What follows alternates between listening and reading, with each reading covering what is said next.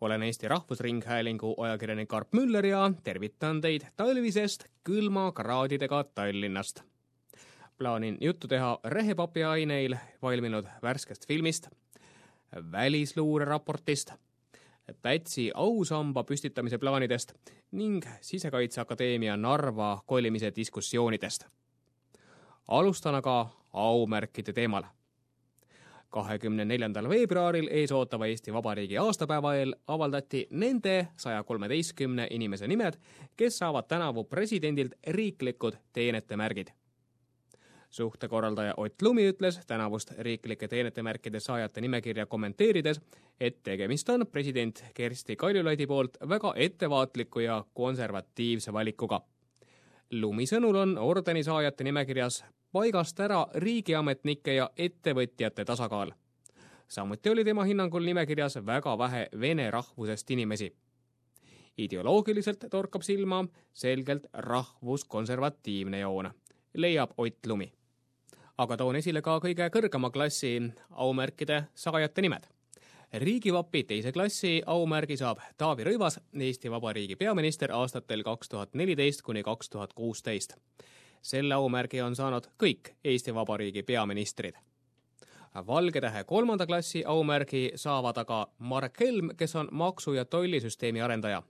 samuti saavad Valge Tähe kolmanda klassi aumärgi sõudjad Andrei Jämse, Allar Raja ning Kaspar Taimsoo. samasuguse aumärgi saab panganduse edendaja Priit Perens ning ka näitleja Lembit Ulfsak kogu nimekirja saab lugeda leheküljelt president.ee. president Kersti Kaljulaid annab teenetemärgid üle iseseisvuspäeva eel, kahekümne kolmandal veebruaril Nuku teatris. vahetan teemat Eestis käib praegu diskussioon politseinikke, päästjaid ja piirivalvureid koolitava Sisekaitseakadeemia kolimisest Narva. seda näeb ette ka Keskerakonna, IRL-i ja sotsiaaldemokraatide koalitsioonilepe nüüd on aga tekkinud küsimus, mida ikkagi Narva viimise all mõelda? kas see tähendab kogu kooli Narva viimist või pelgalt väikese praktikabaasi Narva viimist? kogu kooli viimine tähendaks nii Tallinnas, Väike-Maarjas kui Paikusel asuvate üksuste kolimist, mis tähendaks kaheksasaja viiekümnele kadetile õppekohtade loomist ja maksaks suurusjärgus kuuskümmend miljonit teine versioon tähendaks vaid Tallinnas asuva osa kolimist, millega kaasneks seitsmesajale kadetile mõeldud õppekompleksi rajamine ning see läheks maksma hinnanguliselt kolmkümmend viis miljonit. ja kolmas, kõige odavam versioon tähendaks Narva vaid praktikabaasi rajamist sajakonnale kadetile, see maksaks kaks miljonit. kogu kooli kolimise vastu on Siseministeerium mille asekantsler Erkki Koort ei näe, et kooli Narva kolimine täidaks püstitatud eesmärke. Koort ütles Rahvusringhäälingule, et kui me oleme Ukraina konfliktist midagi õppinud, siis ka Eestis on asutusi, mida ei maksaks viia piirile just väga lähedale. siseministeeriumi analüüs toob esile ka selle, et Narvas oleks oluliselt raskem värvata õppejõudusid ja kadette kolmapäeval Vikerraadios toimunud diskussioonisaates leidis endine siseminister Ken-Marti Vaher IRL-ist, et Sisekaitseakadeemia suures mahus Narva viimine on ainus kaalukas idee, mis on seni üldse Ida-Virumaa suhtes välja käidud. Praegu opositsioonis olevasse Reformierakonda kuuluv endine siseminister Hanno Pevkur aga leidis samas saates, et kui valitsusel on üleliigsed kolmkümmend või nelikümmend miljonit eurot, siis tasub see Ida-Virumaal investeerida hoopis muul moel ja aidata sealt töökohti luua. sisekaitseakadeemia betooni valamine Ida-Virumaale mingit täiendavat lisandväärtust sinna ei loo. sotsiaaldemokraatliku erakonna juhatuse liige Jaak Allik aga on seisukohal, et seitsmesaja eestikeelse noorega kõrgkooli ehk Sisekaitseakadeemia viimine Narva võib linna arengus saada positiivseks murdepunktiks küllap tekivad koos uue kõrgkooliga Narva peatselt ka moodne raamatukogu, kontserdisaal, staadion ja ujula ning kooliruumides korraldatavad üritused hakkavad olema avatud linnarahvalegi, kirjutas Allik Eesti Päevalehe arvamusloos. valitsuses seisab arutelu Sisekaitseakadeemia kolimise ulatuse ja selleks raha leidmise üle alles ees räägin veel ühest tüli tekitavast teemast. Muinsuskaitse seltsi eestvõttel soovivad aktivistid Riigikogu ehk siis Toompea lossi kõrvale komandandi aeda rajada ausamba Eesti Vabariigi esimesele presidendile Konstantin Pätsile.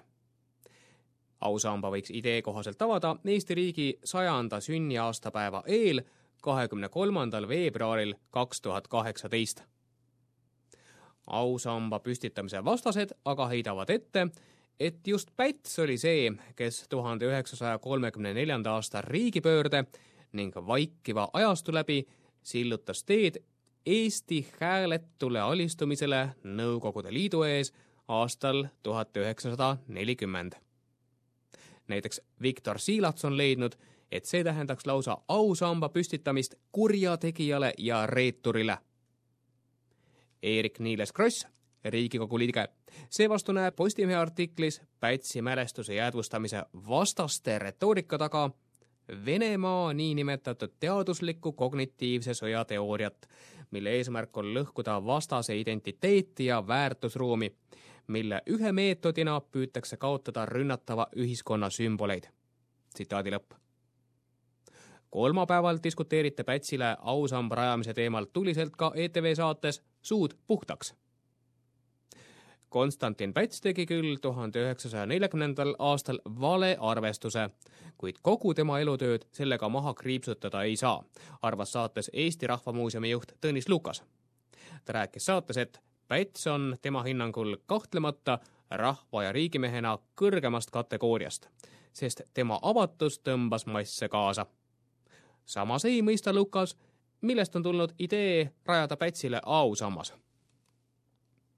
President Kersti Kaljulaid on aga avaldanud arvamust, et Konstantin Pätsi monumendi asemel tuleks Toompeal komandandi aias jäädvustada mälestusmärgina kogu aastal tuhat üheksasada kaheksateist iseseisvuse välja kuulutanud päästekomitee, kuhu lisaks Pätsile kuulusid ka Konstantin Konik ja Jüri Vilms.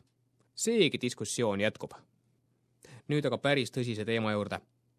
Eesti Välisluureteenistus Teabeamet avaldas kolmapäeval oma iga-aastase ülevaate Eesti olukorrast rahvusvahelises julgeolekukeskkonnas ja teen sellest mõningad esiletõsted. Venemaa sõjalise ründe oht NATO riikidele on sel aastal madal kuid ei saa täiesti välistada ohtu, et Venemaa juhtkond teeb strateegilise valearvestuse ning otsustab proovile panna NATO kollektiivkaitse toimimise. Välisluure hoiatab ka moodsate infosõjavahendite eest. Vene relvajõudude doktriinis on informatsioonilisel vastasseisul keskne ja suurenev osa eesmärkide saavutamisel nii sõjalise konflikti eel kui ka selle ajal Venemaa näeb mõjutustegevuses sõjategevuse vahendit, mille abil juba rahuajal valmistada ette potentsiaalset konflikti.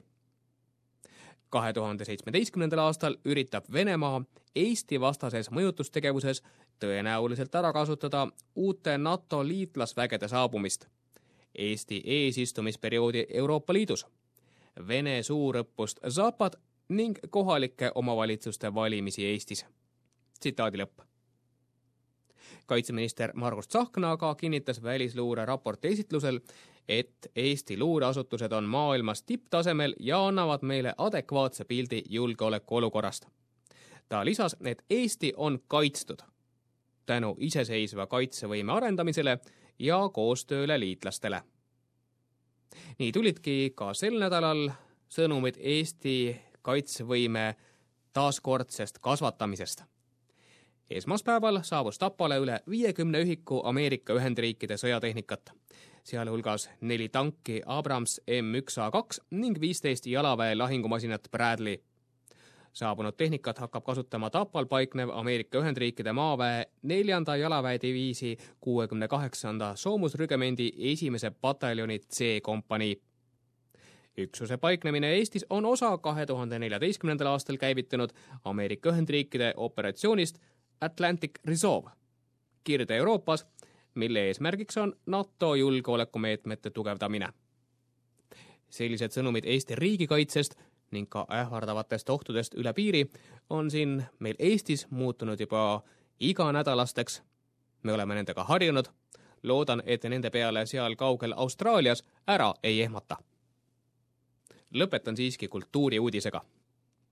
Läinud nädalal esilinastus Eesti kinodes kauaoodatud film November, mille aluseks on tänapäevase Eesti kultuuri üheks tüvitekstiks peetav Andrus Kivirähki raamat Rehepapp lavastaja Rainer Sarneti käe all valminud filmi November võib kirjeldada kui muinasjutulist filmi täiskasvanutele, kus saavad kokku must huumor ja romantiline armastus.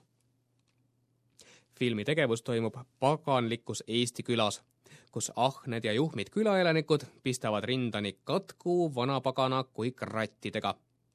loo peategelane on noor talutüdruk Liina, keda mängib Rea Lest kes on lootusetult armunud külapoiss Hansu, keda mängib Jörgen Liik.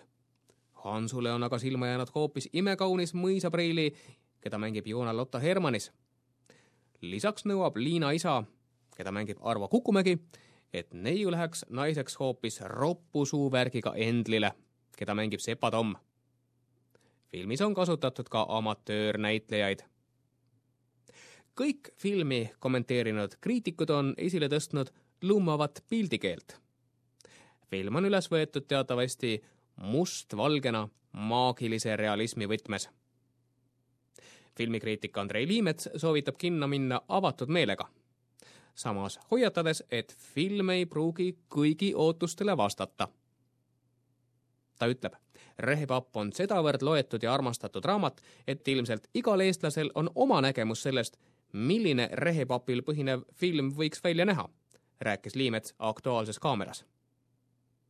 uus film November tõi avanädalavahetusel kinodesse kaksteist tuhat kolmsada kuuskümmend kolm vaatajat, saavutades selle tulemusega kodumaistest filmidest kõigi aegade kaheksanda avanädalavahetuse vaatajanumbri.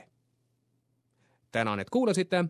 mina olen Eesti Rahvusringhäälingu ajakirjanik Arp Müller